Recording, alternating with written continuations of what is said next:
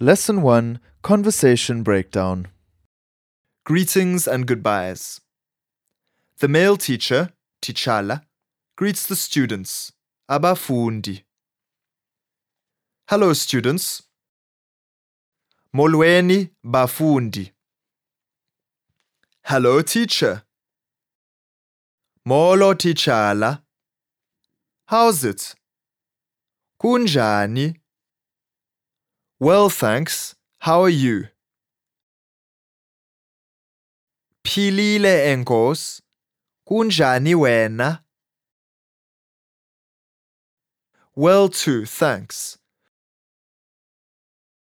Philile nam enkos. Go well, you all. Hambani kakuhle. Stay well, teacher.